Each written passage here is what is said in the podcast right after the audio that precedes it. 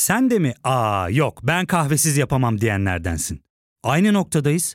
İlk ve tek kahve üyelik uygulaması Frink'le tanış. Hem bütçeni koru hem de hiç bitmeyen kahvenin tadını çıkar.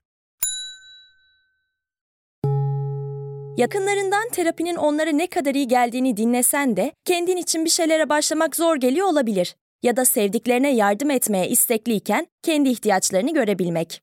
Hayvel, uzman psikologlarıyla kendi ihtiyaçlarını bulmanda sana destek olacak. Terapi yolculuğuna başlamak için detaylı bilgi bölümün açıklamalarında.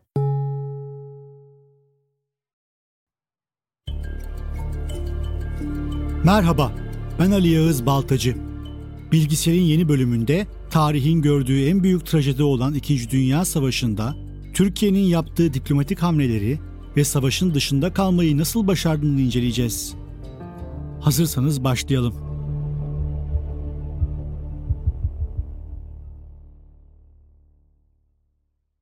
Cumhurbaşkanının özel kalem müdürü Süreyya Anderiman, bizzat Milli Şef İsmet İnönü'nün emriyle radyonun başından ayrılmıyordu.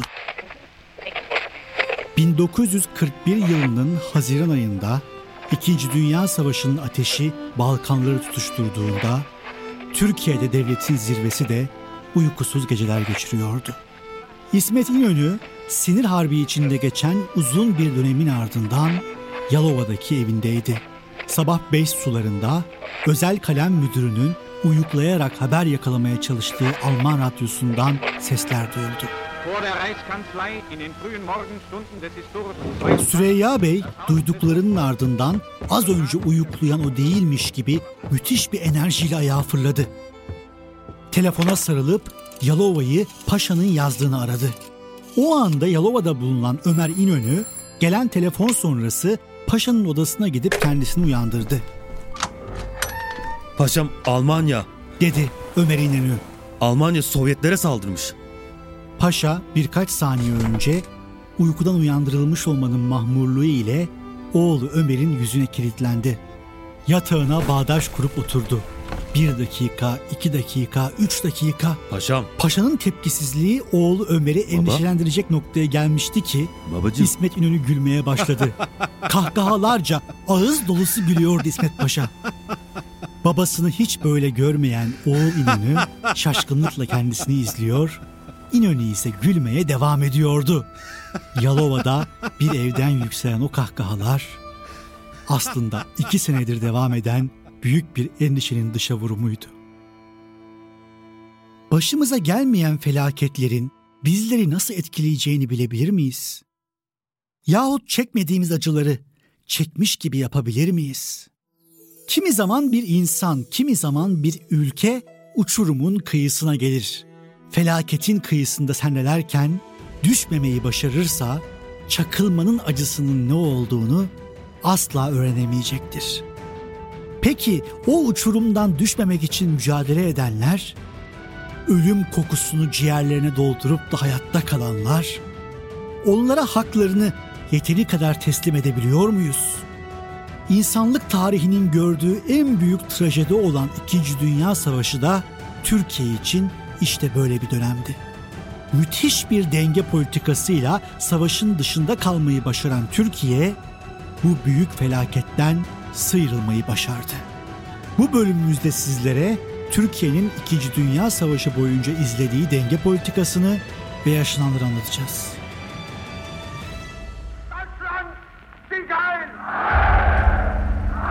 Avrupa'da büyük savaşın ayak sesleri 1930'ların ortalarından itibaren duyuluyordu. Gazi Mustafa Kemal Atatürk de ölümünden önce büyük savaşın sinyallerini sezmiş, yükselen faşizmin küresel bir savaşı beraberinde getireceğini anlamıştı. Atatürk'ün ölümü sonrası ittifakla Cumhurbaşkanı seçilen İnönü de göreve gelir gelmez Dünya Savaşı'nın alevinin ortasında buldu kendini. Adolf Hitler Çekoslovakya'dan toprak talep etmiş, Büyük Savaş'ın ilk kıvılcımını yakmıştı. Felaket bağıra bağıra geliyordu. Korkulan savaş 1 Eylül 1939 sabahı Alman birliklerinin Polonya'ya girmesiyle patlak verdi. Almanya'ya Polonya'ya saldırmaması için ultimatom veren İngiltere ve Fransa bu gelişme üzerine Almanya'ya savaş ilan ettiler. Şimdi diğer tüm ülkeler için saflarını belirleme zamanıydı. Türkiye Cumhuriyeti o günlerde sadece 15 yaşındaydı. Genç Cumhuriyet'in atılım hamleleri henüz tamamlanmamış, Osmanlı borçları büyük ekonomik buhran gibi faktörler yüzünden sanayileşme gerçekleşmemiş, yoksulluk giderilememişti. Büyük bir imparatorluğun tasfiye süreci sonrası Anadolu'da kurulan bu yeni ülkenin savaşa değil, aksine yeni bir darbe almadan ilerlemeye ihtiyacı vardı. Peki Türkiye bunu başarabilecek miydi? Türkiye 19 Ekim 1939'da İngiltere ve Fransa ile bir antlaşma imzaladı. Bu antlaşmaya göre Akdeniz'de bir savaş olması durumunda üç ülke yardımlaşacaktı. Türkiye bu anlaşmayla eğilimini müttefiklerden yana koyduğunu belli etmişti. Ankara'da İngiliz ve Fransız temsilcilerle dostluk paktı kurulurken büyük Nazi orduları Avrupa'nın üstünden silindir gibi geçmekle meşguldü. Almanya savaşın ilk aylarında korkunç bir savaş makinesi gibi hareket ediyor, müthiş bir hızla ilerleyerek önüne çıkan her engeli yıkıp geçiyordu. 1940 yılının Nisan, Mayıs ve Haziran aylarında sırasıyla Danimarka, Norveç, Belçika, Hollanda ve Lüksemburg düştü. 14 Haziran 1940'da ise büyük Nazi orduları coşkuyla Paris'e girdi. Fransa teslim olmuş, İngiltere yapayalnız kalmıştı. O günlerde Almanya'nın savaşı kazanması artık kesin gibi gözüküyordu. Avrupa bütünüyle Alman hakimiyeti altına girmiş, İngiltere dışında her yerde Hitler'in atadığı hükümetler göreve gelmişti. Aynı günlerde Türkiye'de de savaşın akıbeti dikkatle izleniyordu. Alman ordularının zafer üstüne zafer kazanması Türkiye'deki medya organlarında etkilemiş, Almanya'yı destekleyen gazetelerin sesi yüksek çıkar olmuştu. Tarafsızlık politikasını şiddetle uygulamak isteyen İnönü ise o günlerde rejimin iplerini sertleştirdi. Nazilerle işbirliğini savunan Cumhuriyet gazetesi 3 ay süreyle kapatıldı. Gazetelere savaşa ilişkin yorum yapmamaları, milli şef ve ailesine yönelik haberlere yer verilmesi talimatı verildi. Atatürk'ten sonra ülkede bir yönetim boşluğu oluşmadığı, milli şefin duruma hakim olduğu gösterilmek isteniyordu. O günlerde İtalya'da Almanya'nın yanında resmen savaşa girdi. İtalya'nın savaşa girmesi Akdeniz'in ateşler içinde kalması demekti. Bunun üzerine İngiltere ve Fransa Ankara'ya bir nota gönderip destek talep ettiler. Gelin görün ki Nazi orduları Londra kapılarını zorlarken bu desteğin verilmesi düşünülemezdi. Buna karşın Türkiye 1939'da imzaladığı antlaşma ile eğiliminin İngiltere ve Fransa'dan yana olduğunu hissettiriyordu. İngiliz ve Fransız elçilere Türkiye'nin savaşın dışında kalacağını ve olası bir Alman saldırısında savaşa gireceğinin sözünü veren bildiriler verildi. 20 Kasım 1940'da Ege ve Marmara bölgelerinde sıkı yönetim ilan edildi. Aynı dönemde karartma geceleri başladı. Sokak lambaları perdelenip vapur projektörleri söndürüldü. Zaten savaşın ortasında doğmuş 1920-21-22'liler silah altına alındı. Birinci orduya bağlı 3 kolordu Edirne sınırına kaydırıldı. Korkulan başa geliyordu. Karargahı Ankara'da bulunan ikinci ordu ise olası bir İstanbul işgaline karşı başkent Ankara'yı koruması için Balıkesir'e kaydırıldı. Karargahı Erzurum'da bulunan 3. Ordu, Sovyetler Birliği, İran, Irak ve Suriye sınırını korumakla görevlendirildi. Ordunun mevcudu 1 milyon 300 bin kişiye çıkarıldı. Lakin Türkiye'nin bu kadar büyük bir orduyu donatıp besleyecek kaynağı yoktu. Hiçbir çatışmaya girilmemesine rağmen hastalık ve donma gibi gerekçelerden asker ölümleri yaşanıyordu. İsmet İnönü ise her sabah Dışişleri Bakanı'nı köşke çağırıp Avrupa haritası üstünde çalışıyor, Hitler'in bir sonraki hamlesi üstüne birlikte kafa yoruyorlardı. 1941'in hemen başında Alman orduları Romanya'ya girdi. Yunanlılar da çetin bir direniş sergiliyor ama güçlü Nazi orduları karşısında çaresiz kalıyordu. Neticede 27 Nisan 1941'de Naziler Atina'ya girdi. Yunanistan'da düşmüştü. Savaşın ateşi Balkanları tutuşturmuş, Trakya sınırına dayanmıştı. Hitler artık Türkiye'nin yanı başındaydı. Savaşın yangını Rumeli'yi tutuşturduğunda Türkiye için karar anı yaklaşıyordu. Kısa bir aranın ardından neler yaşandığını anlatmaya devam edeceğiz. Ya fark ettin mi? Biz en çok kahveye para harcıyoruz. Yok abi, bundan sonra günde bir. Aa, sen Frink kullanmıyor musun? Nasıl yani? Yani kahvenden kısmına gerek yok. Frink'e üye olursan aylık sadece 1200 TL'ye istediğin çeşit kahveyi istediğin kadar içebilirsin. Günlük 40 TL'ye sınırsız kahve mi yani? Çok iyiymiş. Aynen. Hatta şu anda 200 TL'lik bir indirim kodu da var. E hadi hemen indirip üye ol da bu fırsatı kaçırma. Terapiye başlamak, içinden çıkamadığın döngüleri kırmak, bazı yanlış bulduğun kararlarını değiştirmek ve kendinle beraber daha huzurlu bir yaşam inşa etmek için atabileceğin en değerli adımlardan biri. Hayvel ile yoğun yaşam tempona uyum sağlayarak online terapi seanslarını takvimine göre ayarlayabilirsin. Bini aşkın uzmandan sana en uygun terapisti seçebilir, podb10 koduyla indirimden yararlanabilirsin. Detaylı bilgi açıklamalardaki bağlantıda. Trakya sınırına yığılan Türk ordusu İstanbul'u savunabilmek için geri çekildi. Edirne'deki köprüler havaya uçuruldu. İstanbul Valiliği Anadolu'daki yakınlarının yanına gitmek isteyenlerin trenlerle ücretsiz gönderileceğini açıkladı. 1 Mayıs'ta Anadolu'ya ilk göç kafilesi İstanbul'dan ayrıldı. İstanbul şehir savaşına hazırlanıyordu.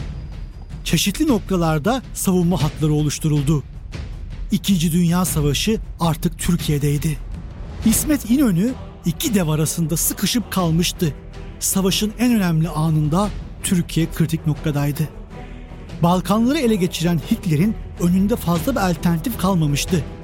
Ya kuzeye yönelecek ya da güneyden Türkiye üstünden Sovyetlere saldıracaktı. Türkiye artık bir karar vermek zorundaydı. Ölümlerden ölüm beğenecekti. Ya savaşa girip korkunç bir yıkımla karşılaşacak ya girmeyip işgal edilecekti. Bütün gençliğini savaşa veren İsmet İnönü ise Cumhuriyet çocuklarını savaşın dışında bırakmak için çabalıyordu. Alman birlikleri Trakya sınırına 60 kilometre kadar geldiler ve durdular. Aynı günlerde Berlin'den Ankara'ya bir mektup geldi. Mektubun sahibi Adolf Hitler, muhatabı ise İnönü'ydü. Excellence Bay İsmet İnönü. Bulgaristan ve Yunanistan'daki ilerleyişimiz resmen bildirelim ki hiçbir şekilde Türkiye'nin toprak bütünlüğüne veya siyasi bütünlüğüne yönelmiş değildir. Aksine birlikte yürüttüğümüz büyük ve hayati savaşın hatıralarıyla ve bu savaşı takip eden ızdıraplı yılların hatıralarıyla meşbu olarak size Almanya ve Türkiye arasında gerçek dostluğa dayanan bir işbirliği için istikbalde dahi bütün şartların mevcut olduğuna kesin olarak inandığımı belirtmek isterim. Bu düşüncelerle Bulgaristan'da ilerleyen Alman birliklerinin Türk sınırından orada bulunmalarının maksadı hakkında yanlış bir yorumda bulunmasına meydan vermeyecek kadar uzak kalmalarını emrettim. Şüpheydi ki Türk hükümeti bizi bu tutumumuzda bir değişiklik yapmaya mecbur edecek tedbirlere temsil etmeyi lüzumlu görmesin. Hitler bu mektubunda hem Türkiye'ye saldırmayacağının sözünü veriyor hem de aba altından sopa gösterip yanlış bir işe kalkışmayın diyordu. İnönü'nün Hitler'e yanıtı ise gecikmedi. Almanya Führeri Ekselans Bay Hitler. Şerefini ve acısını beraberce paylaştığımız bu büyük savaşın ardından Alman halkına yönelik dostluk duygularımızda bir değişim yoktur. Kurduğumuz yeni devlet, Türk milli sınırları içinde barış ve istiklalimizi koruyarak yaşama ülküsünden besleniyor. Bizler biliyor ve inanıyoruz ki, Türk ve Alman ordularının karşı karşıya gelmesi için bir sebep yoktur. Ve Almanya'nın Türkiye'nin emniyet ve istiklaline yönelik bir tecavüzü olmadığı sürece böyle bir felakete gerek olmayacaktır. Bu mektuplaşmaların sonucunda 18 Haziran 1941'de Türk-Alman Dostluk Paktı imzalandı. Bu anlaşma kuşkusuz Ankara'yı rahatlatmıştı. Ancak Hitler aynı anlaşmayı birkaç sene önce Sovyetler Birliği de imzalamıştı. Şimdi ise herkes Almanya'nın Sovyetlere saldırı hazırlığında olduğunu konuşuyordu. Türkiye hala güvende değildi. Buna karşın Ankara-Berlin yakınlaşması müttefikleri sinirlendirmiş, İngiltere ve Rusya gönderdiği notalarla Çanakkale ve İstanbul boğazlarından Alman gemilerinin geçmesine izin verilmemesini istemişti. İnönü onlara da güvence verdi. Paşa o günlerde kafasında 40 tilkiyi kuyruklarını birbirine değdirmeden dolaştırıyordu. Ankara'daki resepsiyonlarda Alman ve İngiliz büyükelçileri ağırlıyor, her ikisine de kendi ülkelerinden aldığı silah yardımlarını gösteriyordu. Türkiye bu sayede savaşın dışındaydı. Hitler nihayet Sovyetlere karşı beklenen hamlesini kuzeydeki Polonya üstünden yaptı. Türk sınırları ateş çemberinin dışında kaldı. Bölümümüzün en başında anlattığımız İnönü'nün kahkahası işte bu zorlu sinir harbinin boşalması olmuştu. Türkiye Alman saldırısından kurtulmuş, kısmi bir rahatlama yaşamıştı. Lakin tehlike geçmiş değildi. ABD ve Japonya'nın savaşa girmesiyle felaketin ateşi tüm dünyayı sarmıştı. Doğu cephesinde Sovyetlere saldıran Almanya'da yıprama belirtileri gözleniyordu. Buna karşın Batı'da ABD'nin desteğiyle saldırılarını artıran İngilizler Nazilere karşı galibiyetler almaya başlamıştı. Almanya ise Türkiye'ye yönelik yeni bir hamle yaparak Yunanistan'dan çekileceğini, Türkiye'nin eğer isterse 12 adalara asker çıkartabileceğini duyurdu. O dönemde bir Türk askeri heyeti Doğu cephesindeki Alman karargahını ziyaret etmiş, burada Hitler tarafından büyük bir nezaket ve ilgiyle karşılanmışlardı. Hitler bu görüşmeye de Türkiye ile ilgili olumlu görüşlerini belirtti ve Alman ordularının Yunanistan'da kalıcı olmadığını, Edirne sınırının Türkiye lehine genişleyebileceğini, Ege adalarından bir kısmının da yine Türkiye'ye bırakabileceğini söyledi. Bu çok sinsi bir teklifti. Zira Almanya'nın bu hediyesini kabul eden Türkiye doğal olarak Almanya'nın yanında saf tutmuş olacaktı. Bu yüzden teklif kabul edilmedi. Diğer taraftan Türkiye'de savaşın getirdiği yokluk halkı ciddi şekilde etkilemeye başladı. Yiyecek sıkıntısı büyüyordu. Ekmek karneyle dağıtılmaya başlanmıştı. 1942'de gayrimüslim azınlıklara varlık vergisi getirildi. Ödeyemeyenler Erzurum Aşkale'ye sürgüne gönderildi. Türkiye tank ve top seslerinden kurtulmuş ama savaşın ekonomik yangınının ortasında kalmıştı. Üstelik yine aynı günlerde taktiksel bir hata yapılmış, Yunanistan'a yardım için gönderilen tahıllar yüzünden Anadolu ahalisi ürünsüz kalmıştı. Günümüzde Mersin'in Tarsus ilçesine bağlı bir Nusayri köyü olan Yenice, 1943 yılının Ocak ayında olağanüstü bir hareketlilik yaşadı. İngiliz Başbakan Churchill ve İnönü bu küçük beldenin istasyonunda bir araya geldiler. Adana görüşmesi olarak literatüre geçen bu görüşmede Churchill, Türkiye'yi savaşa sokmak için bir dizi vaatte bulundu. İnönü ise olası bir Alman saldırısı karşısında yeterli güçlerinin olmadığını, İstanbul'un bombalanması durumunda şehrin alev alev yanacağını söyledi. Her ne kadar Churchill İstanbul savunması için uçak filosu gönderme teklifinde bulunsa da İnönü yeni taleplerde bulunarak zaman kazandı. Aynı ikili 10 ay sonra bu sefer Kahire'de Amerikan Başkanı Roosevelt'in de katıldığı bir toplantıda buluştu. Churchill Türkiye'nin savaşa girmesini en azından Batı Anadolu'da kendilerine bir üs vermesi konusunda ısrar ediyordu.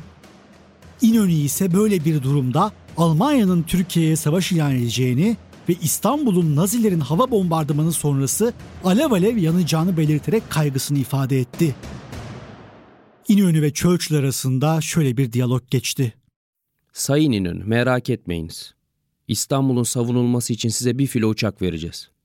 Feleğin çemberinden geçmiş olan İnönü, İngiliz Başbakanına bir oyun oynadı. Görüşme yaptığımız bölgede çok fazla asker var. Doğrusu biraz daralıyorum.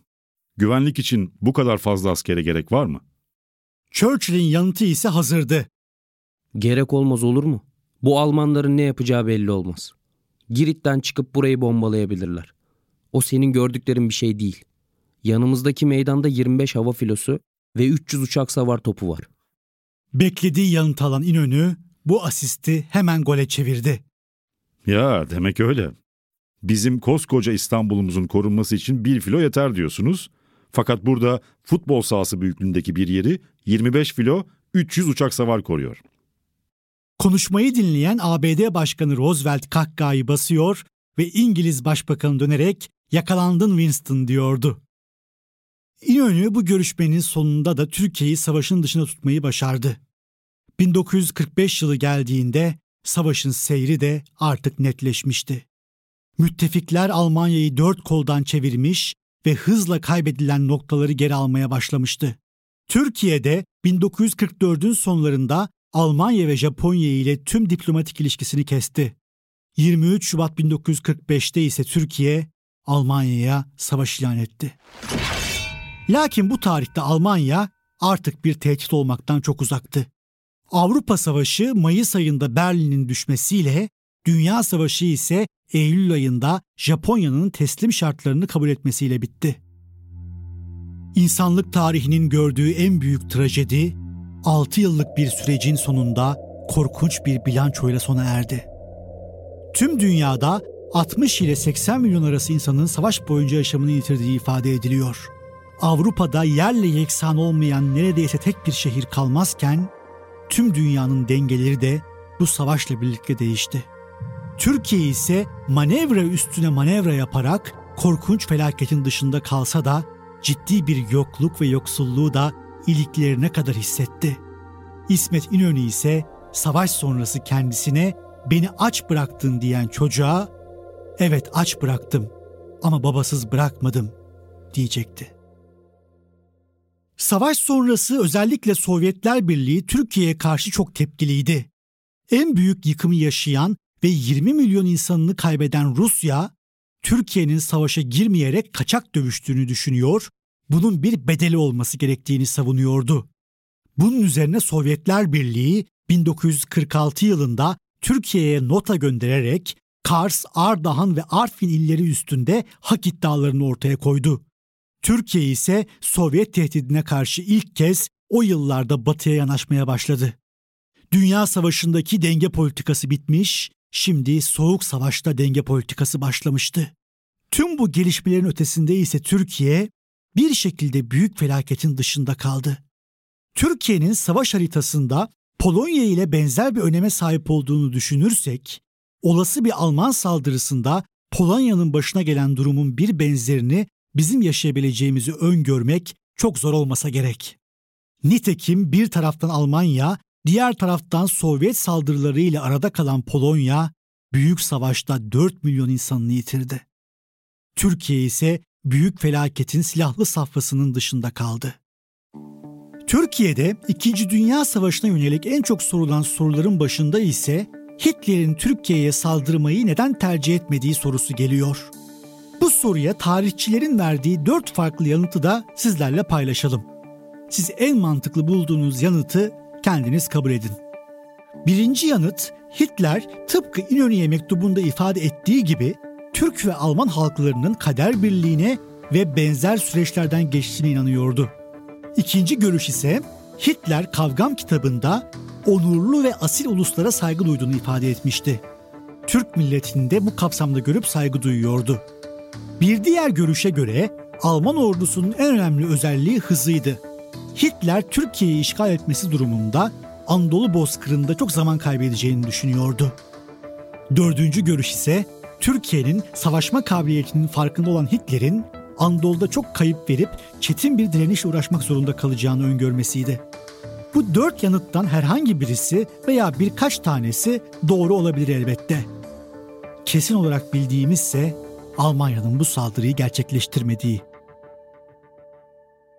Cumhurbaşkanı İsmet İnönü savaş felaketinden halkını korumasına rağmen eleştiri oklarından kurtulamadı. Türk milletinin savaşçı özelliğini köreltmesinden tutun da ülkeyi yoksulluğa mahkum ettiğine yönelik yorumlar birbirini kovaladı. Müttefiklerin zaferi sonrası yeni dünya düzeninde Batı kampına katılmak isteyen Türkiye, savaşın hemen ardından çok partili demokratik yaşama geçiş yaptı. 1945 sonlarında kurulan Demokrat Parti, CHP'nin karşısına daha liberal, batıcı bir programla çıktı.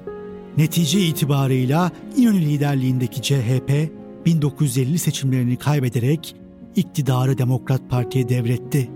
Büyük felaketin ateşinden kül olmadan çıkmayı başaran Türk halkı, çekmediği savaş acısını değil, çektiği yoksulluğu ve kıtlığı anımsayarak oyunu kullandı.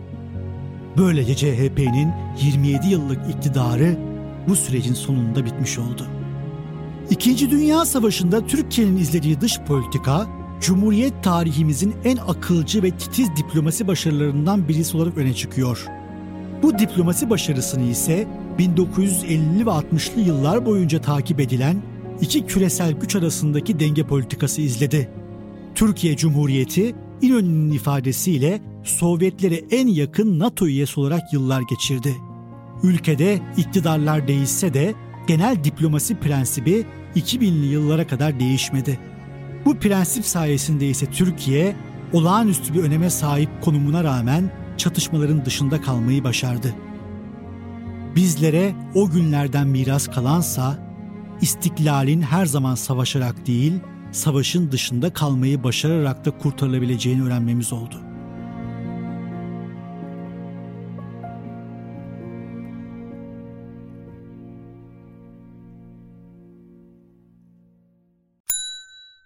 İlk ve tek kahve üyelik uygulaması Frink, 46 ildeki 500'den fazla noktada seni bekliyor.